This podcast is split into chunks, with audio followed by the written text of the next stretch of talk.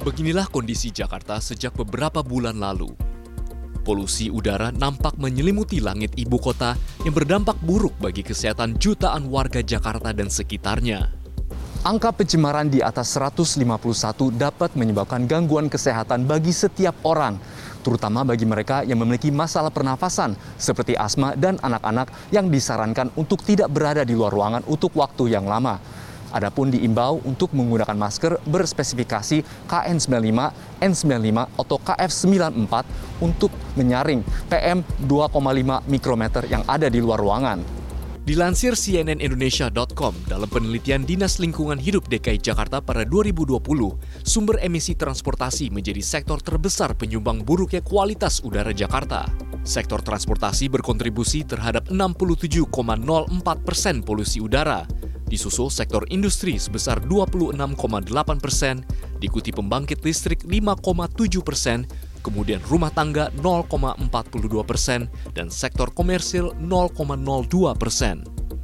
Sementara itu, menurut data Kementerian Lingkungan Hidup dan Kehutanan pada 2022, terdapat lebih dari 24,5 juta kendaraan bermotor yang menggunakan bahan bakar fosil beredar di Jakarta setiap harinya.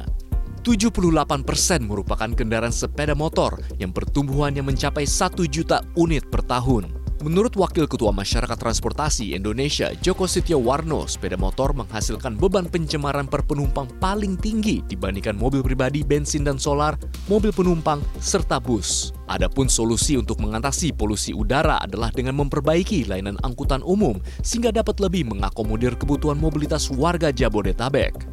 Jika hal ini tidak dibenahi, maka program-program lain yang dirancang tidak akan tepat sasaran.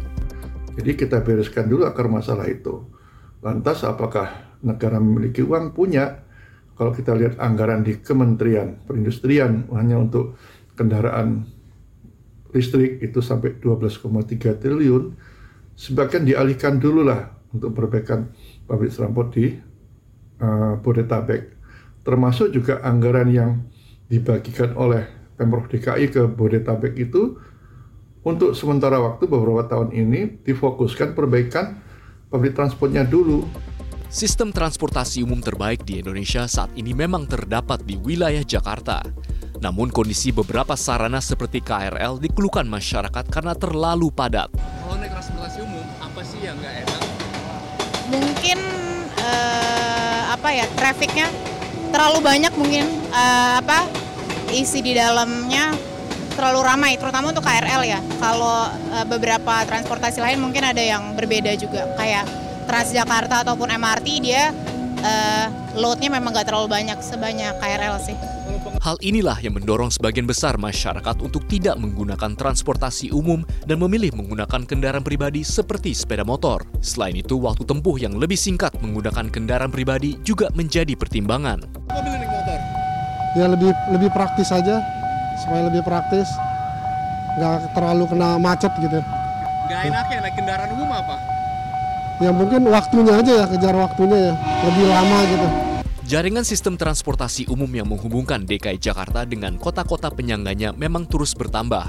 Namun tidak dapat memenuhi kebutuhan mobilitas sebagian besar pekerja yang setiap hari harus lakukan perjalanan dari wilayah Bodetabek ke Jakarta. Untuk mengatasi masalah polusi udara akibat asap kendaraan pribadi yang lalu lalang setiap hari di Jakarta, mulai hari Sabtu tanggal 26 Agustus, polisi akan terapkan sanksi denda bagi kendaraan yang gagal uji emisi. Hal itu disampaikan oleh Direktur Lalu Lintas Polda Metro Jaya Kombes Latif Usman saat lakukan rapat koordinasi dengan PJ Gubernur dan Kepala Dinas Perhubungan DKI Jakarta di Balai Kota pada hari Rabu lalu. Masalah emisi gas buangnya, kita akan ikut di situ. Nah, tahapan-tahapan ini tentunya yang akan uh, kita lakukan dari nanti sosialisasi, teguran, sampai dengan mungkin penilangan. Nanti kalau penilangan masalah gas emisi ini adalah instansi terkait. Nah, kami melakukan penilaian karena yang mempunyai alatnya kan dari mereka. Nah, kami akan melakukan membantu penilaian. Kalau di lantas sendiri memang ada apa pasal emisi, Pak? Oh, nah, nanti ada ada ada ada. Nanti apa ya itu nah makanya alatnya ada di, di dengan Dinas Lingkungan Hidup nanti. Kita akan bekerja sama. Bagi kendaraan yang belum lolos uji emisi, pengendara akan dikenakan sanksi Rp250.000 untuk sepeda motor dan Rp500.000 untuk kendaraan roda 4. Adapun hal ini diharap dapat meningkatkan kesadaran pengguna kendaraan pribadi di Jakarta untuk meminimalisir polusi udara yang mereka sebabkan. Arya Dita Utama, Egi Agung, Jakarta.